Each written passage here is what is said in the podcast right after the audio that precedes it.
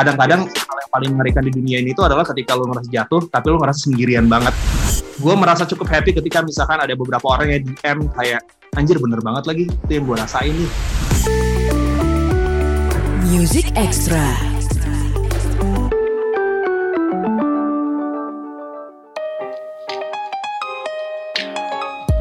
Halo good friends, Music Extra barengan gue Reno Aditya. Kali ini kita punya seorang musisi. Gue nggak bilang dia penyanyi, soalnya uh, he played instrument.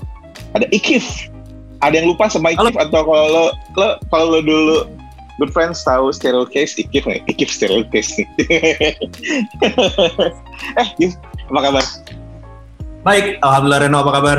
Baik, baik, baik, baik. Ntar lu sebelum kita ngobrol lebih jauh, uh, gue agak ingin me menanyakan masa lalu dulu nih. Uh, dengan Stereokis masih nggak sih atau lu atau lu atau Stereokis lagi vakum atau gimana sih? Jadi memang dari tahun 2016 2017 tepatnya gue agak lupa. Okay. Itu memang lagi vakum sebenarnya. Lagi vakum okay. dan gue sempat kayak break juga dari musik kayak enam bulanan gitulah. Terus gue juga sempat akhirnya setelah enam bulan ternyata gue nggak bisa break dari musik karena gue jadi stres kalau gue berhenti musik. Habis itu gue sempat sama Nino Mora untuk ngebantuin proyeknya dia. Uh-huh. Gue sempat diajak juga Astro untuk proyeknya dia sampai akhirnya gue bikin si project solo ini. Tapi Stereo uh. Sebenarnya comeback juga walaupun mungkin agak santai sih. Iya iya iya. Jadi di in the meantime lo manfaatkan untuk bersolo karir ya. Ngomongin soal harus, uh, solo karirnya proyek solo karirnya Ikif nih Good Friends ini bukan yang kayak cuman iseng-iseng doang karena dia merilis satu full album. Baru dirilis Oktober kemarin. Keren kan? Maksud gue kan kadang-kadang uh, side project ya. Gue nggak ngerti yang mana yang side project akhirnya kan. Uh, apakah ini? Apakah yang lo lakuin sekarang? Gitu. Atau atau kerjaan lo barengan sama musisi-musisi lain. Tapi let's say biasanya kalau personil band itu merilis sesuatu dia menganggap ini side project gue gitu jadi kayak cuma se sedikit lagu yang dirilis sementara Ikip merilis satu full album yang berjudul Number One udah dirilis Oktober kemarin gue udah dengerin uh, single perdananya Human jujur aja itu pengkhianat gue sama karena gue juga tumbuh dan uh, mulai ngerti musik di tahun 90-an kan itu pengkhianat gue sama Supergrass Iya. Yeah. Iya kan? Alright, kalau good friends tahu, kalau pendengar Delta sih pasti tahu, karena sering banget kita muterin Alright to Progress. Jadi segar banget fresh. Uh, dan sebenarnya lo sendiri membawa membawa semangat apa sih di solo karir ini? Seperti kayak ikut yang seperti apa sih yang kan lo kasih di solo karir ini tuh? Gue pengen uh, gini, kalau kalau gue di Stereotis kan gue terlibat uh, bersama teman-teman yang lain ya dengan dengan Richard, uh, which is mereka masing-masing punya punya reference masing-masing gitu. Nah, mm-hmm. gue di sejujur-jujurnya dan senyaman-nyamannya versi gue. Jadi kalau misalkan lo nanya itu sebenarnya kayak apa sih aslinya? Mungkin ini. Kalau okay. untuk cara pandang melihat musik gitu ya. Uh, iya. yeah. Jadi kalau misalkan gue main drum, mungkin referensinya akan berbeda lagi. Tapi ketika gue bikin suatu musik, ini adalah musik yang paling nyaman untuk gue dengar sebenarnya. Basicnya okay. dari rock pasti yeah, tapi juga ada iya, iya, unsur iya. American rocknya juga tetap ada justru ada unsur-unsur ke hip hopnya jadi kayak dikit walaupun bukan hip hop mm -hmm. banget ya mm-hmm. tapi unsur-unsur itu masih bagian dari yang gue dengerin hari-hari gitu jadi gue mencoba mencampurkan semuanya sehingga gue nyaman di dalamnya lah gitu oke okay. jadi sebenarnya apa yang Ikif bilang itu ada benernya good friends ketika gue dengerin Human itu setelah gue ketemu dengan uh, Spurgrass tapi ketika gue dengerin Burn Me Down nggak ada nuansa nuansanya lebih kalau lebih ke Britpop bukan bukan. Tapi berbeda aja berbeda aja gitu kan. Tapi tapi masih merasakan kesamaan gitu. Ada ada kesamaan di situ. Dan kesamaannya adalah satu hal. Musik yang Ikif tawarin kalau Good Friends bukan mungkin bukan musik yang lo denger setiap hari di radio dan lain sebagainya kan. Tapi jujur aja itu adalah sesuatu yang lo butuhkan untuk mengobati kebosanan lo dengan dengan apa yang lo biasa dengerin. Itu menurut gue gitu. Karena akhirnya gue denger satu album lo dari dari pagi sih gue dengerin kan. Gitu gue dapet materinya terus gue denger tahu pertama gue dengerin Human dulu. Dan gue langsung kayak inget inget ke zaman gue SD kalau nggak salah. Super crash itu. Gue mulai kenal kenal Britpop Britpop kan dikenalin sama kakak sepupu gue kan. Jadi yang uh, album pertama apa kan gue tertarik sama lagu itu karena video klipnya lucu gitu kan. Namanya anak-anak kan? Video klipnya lucu super crash kan nah tapi kalau ngomongin hmm. soal musik lo sendiri Jeff uh, dari dari banyak banyak apa ya banyak elemen yang lo masukin ke dalam album number one ini dari beberapa lagu yang udah dirilis sebenarnya yang yang ngebuat lo jadi punya apa ya benang merah dari di album ini apa sih sebenarnya? Oke, okay. kalau benang merah, uh, jujur kalau gue tuh ada di lagu judul Falling sebenarnya. Oke. Okay. Kenapa? Karena Falling itu ada lagu pertama yang gue bikin, lagu pertama yang jadi bayangan gue. Kalau gue suka punya project solo, kurang lebih akan seperti ini. Ada elektroniknya, ada unsur-unsur itu ada di situ dan secara uh, notasi, secara apa itu sebenarnya benang merah di lagu judul Falling. Uh, sedangkan di lagu-lagu lain ya kalau dalam satu album kadang ada yang arahnya agak ke mana, arahnya agak ke mana. Tapi kalau lo dengar satu album sebenarnya lo pasti bisa dengar benang merah tertentu lah di situ. Yang emang ini gua banget gitu misalnya. Nah, itu kan lo bilang ya, uh, solo karir ini adalah kita bisa bilang, gue bisa gue bisa menyimpulkan adalah musik lo sebenarnya gitu kan. Nah, lebih sebenarnya kalau dibandingin ketika ngeband, berarti lo lebih nyaman dengan solo karir ini dong?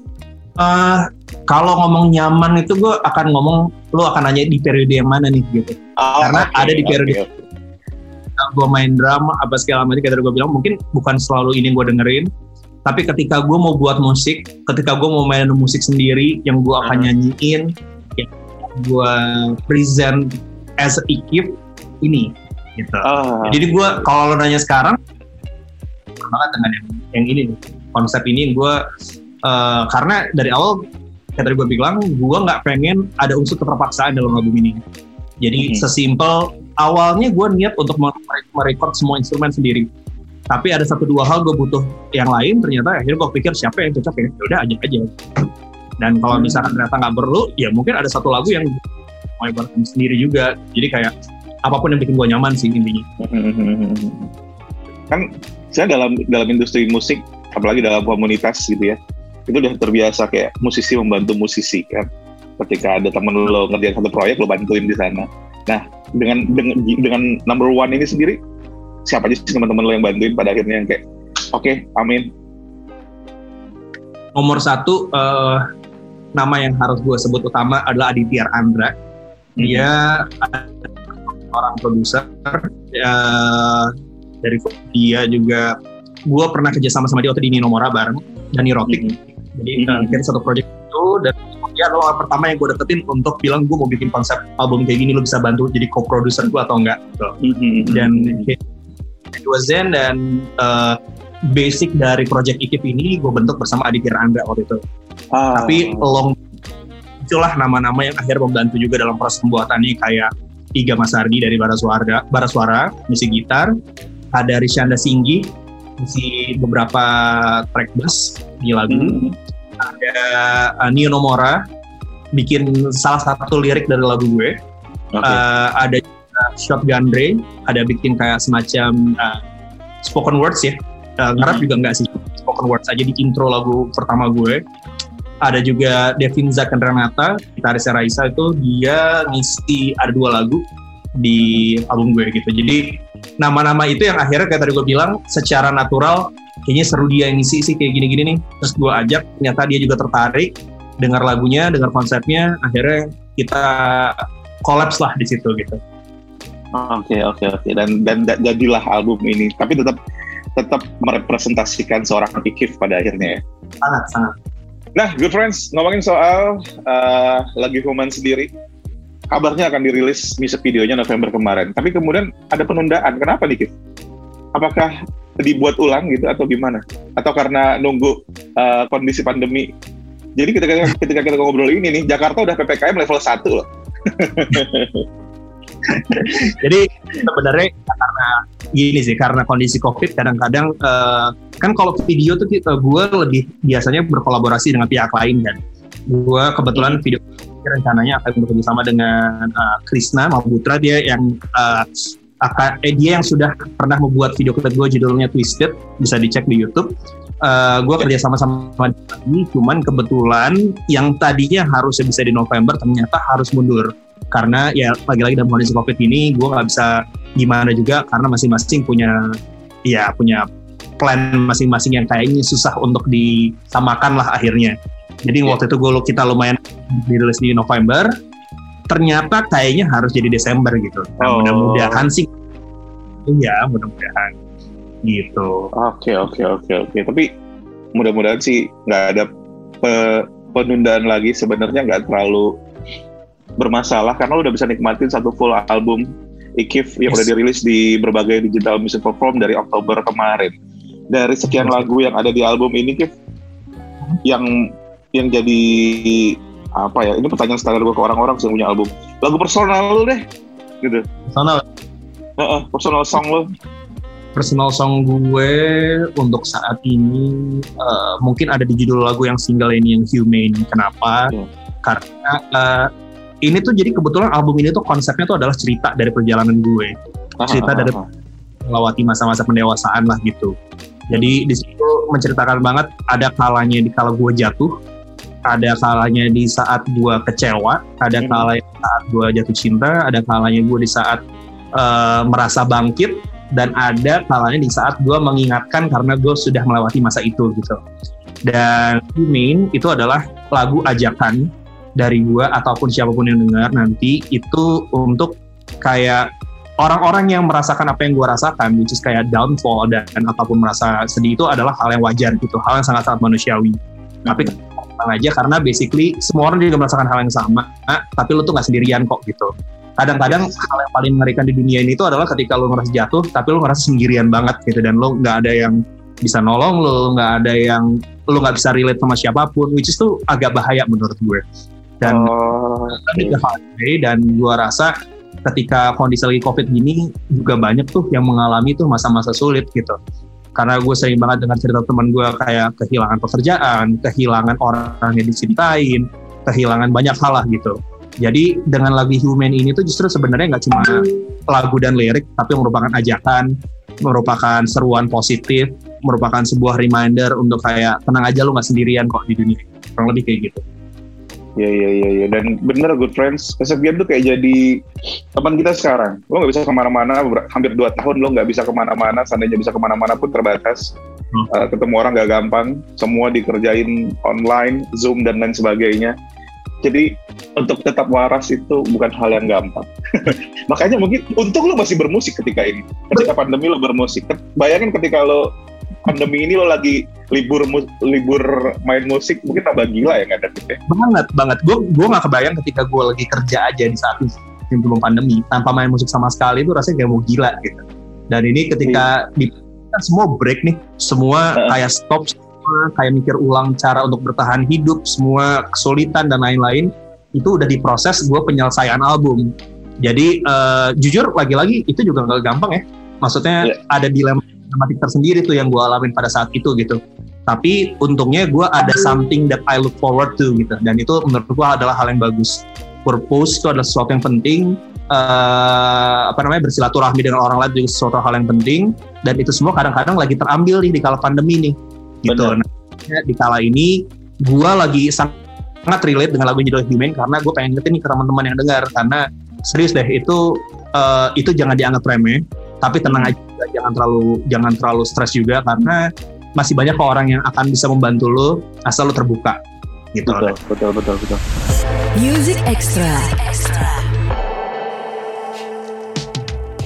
di masa-masa seperti sekarang berbagi itu bukan hal adalah hal yang kita butuhin banget. Nggak cuma berbagi sesuatu yang membantu orang lain berbagi, berbagi apa yang lo rasain Betul. itu adalah hal yang penting banget dan itu yang dilakuin sama Ikif sebenarnya lewat album number one ini jadi dia berbagi apa yang dirasakan selama ini dalam bentuk album Eh, dia pasti happy dengan album ini karena eh, itulah sebabnya maka album ini dikasih tahu ke orang-orang tadi kan lo bilang eh, yang menyedihkan dari kesepian itu adalah saat lo lagi terjatuh dan lo nggak tahu harus minta tolong ke siapa kan gitu.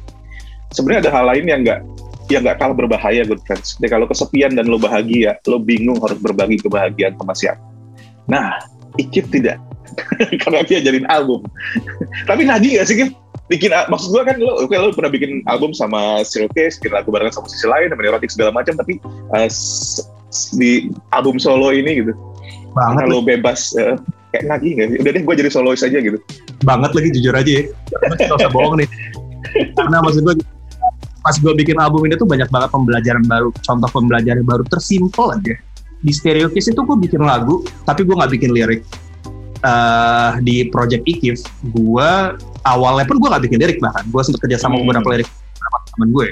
Tapi di situ gue jadi pengen belajar juga jadi penasaran dong. Kayak gue pengen nulis juga gue pengen numpahin apa yang gue rasain gitu jujur aja di awal-awal tuh gue ngerasa ketika gue nulis itu tuh ada banget message atau cerita yang mau gue sampaikan tapi gue nggak gampang ngeluarin itu karena itu bukan sesuatu yang biasa gue lakukan. Cuman karena pandemi karena apa dan lain-lain kayak gue willing untuk belajar lebih nih. Dan once lo udah kena salahnya gitu yang at least yang bikin lo nyaman tuh kadang-kadang penasaran terus kan. Yeah. nah penasaran penasaran itu sih jujur sekarang yang lagi kayak kayaknya dalam waktu dekat gue akan tetap nabung untuk album kedua deh sih. eh tapi buat lu sendiri, uh, sukses atau enggak sebuah album itu apa sih ukurannya? Kalau buat gue ya, kalau buat gue sebuah lagu, sebuah album gitu. Kalau buat gue, uh, gue tuh sebenarnya sangat-sangat tidak berharap semua ini dinilai dari sebuah numbers. Okay. Gue tuh sangat berharap itu dari respon balik. Respon balik itu artinya uh, kalau normal nih ya, kalau normal itu gue pengen banget gue bisa memperformkan lagu-lagu ini gue bisa melihat ekspresi orang langsung, apakah lagu ini dinyanyikan orang lain, apa dampaknya buat mereka, bisa diskusi sama ketemu orang banyak. Kan kalau lagi tidak COVID kan seperti itu. Dan mudah-mudahan nih kalau gue sekarang pelan-pelan kayak udah mulai nih ada orang geek yang mulai uh, geeknya mulai offline, tapi mungkin skalanya pasti belum banyak lah gitu. Bener. Nah, jadi album itu sukses atau album itu gue lihat adalah album yang baik itu menurut gue ketika dia punya dampak positif buat yang ngedengerin sih. Dan buat gue untuk skala skala gue mungkin belum terlalu besar ya. Gue merasa cukup happy ketika misalkan ada beberapa orang yang DM kayak anjir bener banget lagi itu yang gue rasain nih gitu misalkan mm-hmm. kayak ini gue perlu banget nih kayak gitu gitu loh hal-hal yang apa ya gue kan di sini kan fungsi juga pengen banget mengencourage orang ya yeah. tapi ketika encourage berarti kan message gue nyampe berarti kan nah itu hal kayak gitu yang bikin gue puas dan bangga sih gitu uh, merasa okay. dari situ kali hal-hal seperti itu.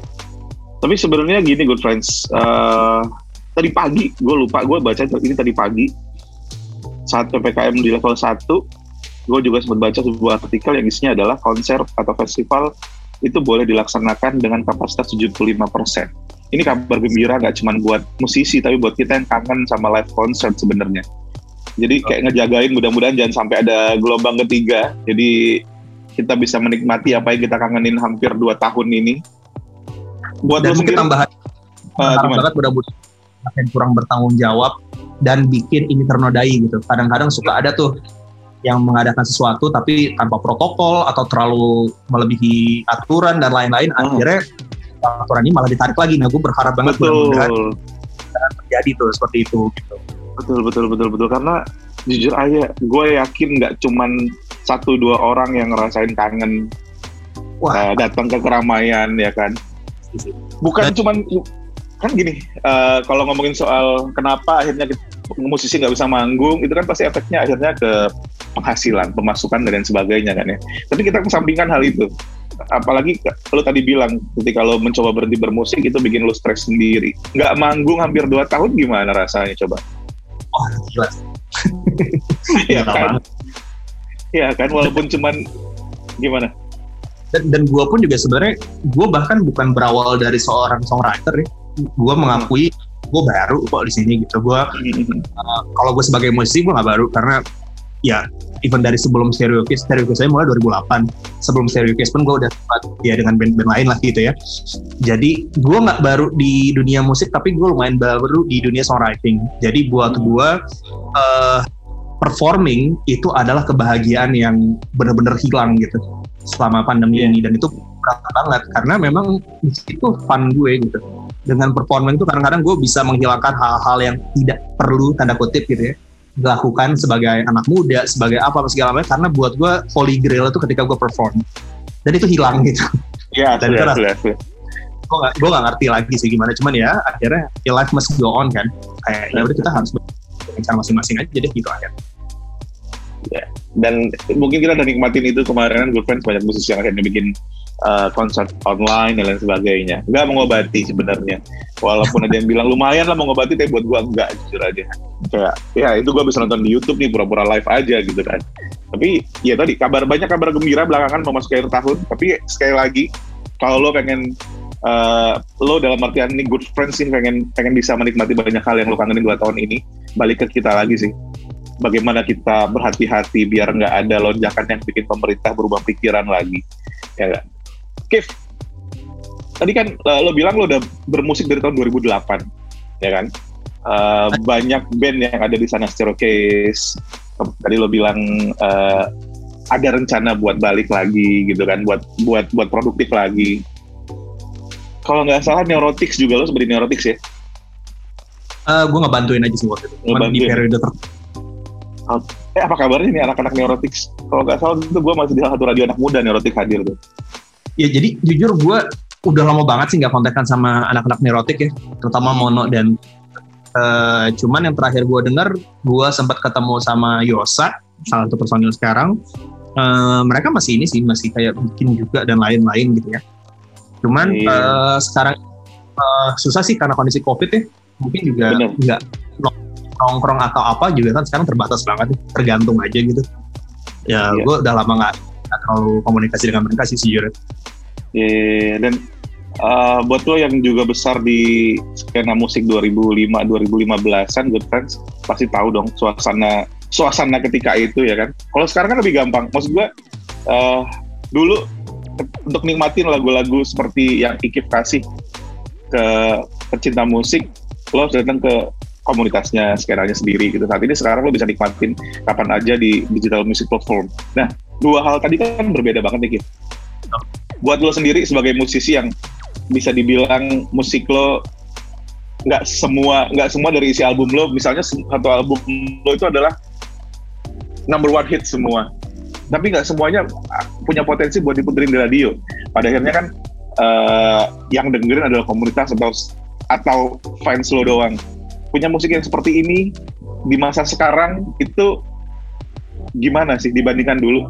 Di masa-masa lo ya stereo case ketika di 2010-an pendengarnya mungkin oke okay, tapi ketika uh, ada lagi di masa yang selera musiknya berubah lagi gitu dengan kondisi yang berubah-berubah itu dengan musik dengan musik yang lo kasih seperti sekarang itu gimana cara uh, lo untuk memperkenalkan lebih jauh lagi kalau kalau gue pribadi, uh, even dari zaman stereokis dulu itu kita tuh sama sekali berusaha untuk tidak ngikutin yang orang mau sih sebenarnya. Uh -huh. Fokus untuk yang kita nyaman dulu buat kita dulu gitu lagi-lagi. Itu menurut gue lo approach paling tepat maksud gue gini sih karena gue tahu zaman itu beda-beda. Even yeah. pendekatan di tahun 2012, 2010, 2012, 2013 lalu pas stereokis lagi rame-ramenya gitu, mm -hmm. itu kondisi uh, environment musik tuh super berbeda gitu. Ya. Anak-anak sekarang mungkin nggak ketemu tuh masanya boy band, masanya uh-huh. Melayu, uh-huh. solo solo yang penyanyi doang gitu dan lain-lain itu nggak mengalami itu gitu. Sekarang banyak banget musik-musik yang keren, yang berbeda banget, dapat panggung juga gitu. Nah, nah itu. Kalau kalau menurut gue gitu, akhirnya ketika lo kan ini kan environment sangat-sangat berbeda ya kalau kita compare dua hal tadi.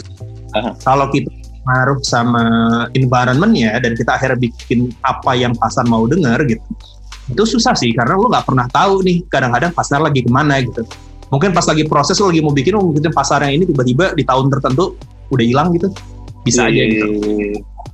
Uh, eh, gue percaya banget yang kayak si efek rumah kaca bilang sih kayak apa ya uh, itu bisa diciptakan gitu maksudnya uh, pasar sebuah, diciptakan ya diciptakan gitu. Pasar bisa diciptakan artinya adalah ya lo percaya sama karya lo sendiri apa yang lo suka apa yang lo lakuin apa adanya tanpa dibuat-buat. Kalau menurut gue sih gitu. Karena setiap itu pasti ada aja sebenarnya pendengar yang cocok sama kuping lo gitu. Iya benar benar benar. Gue setuju banget. Dan kalau lo pengen kenal lebih jauh sama musik mereka eh musiknya mereka musik Ikif Good Friends album number one udah bisa dinikmatin di berbagai digital music platform pick your favorite. Buat gue jujur aja human sih. Emang emang okay. cocok dijadikan single yang keluar barengan sama albumnya. Gimana? Segar dan ternyata gue belum sempat dengerin lirik ya. Biasanya kan kalau gue denger lagu tuh pasti nadanya dulu, musiknya dulu. Karena katanya kalau orang yang dengerin liriknya dulu orang galau, lagi galau tuh. nah, enak didengerin beneran deh. Lu nikmatin number one album, uh, biar Ekip semangat untuk mikir kayaknya gue punya album kedua nanti. Iya gak, Gif? dan Uh, video klipnya ditungguin di Desember.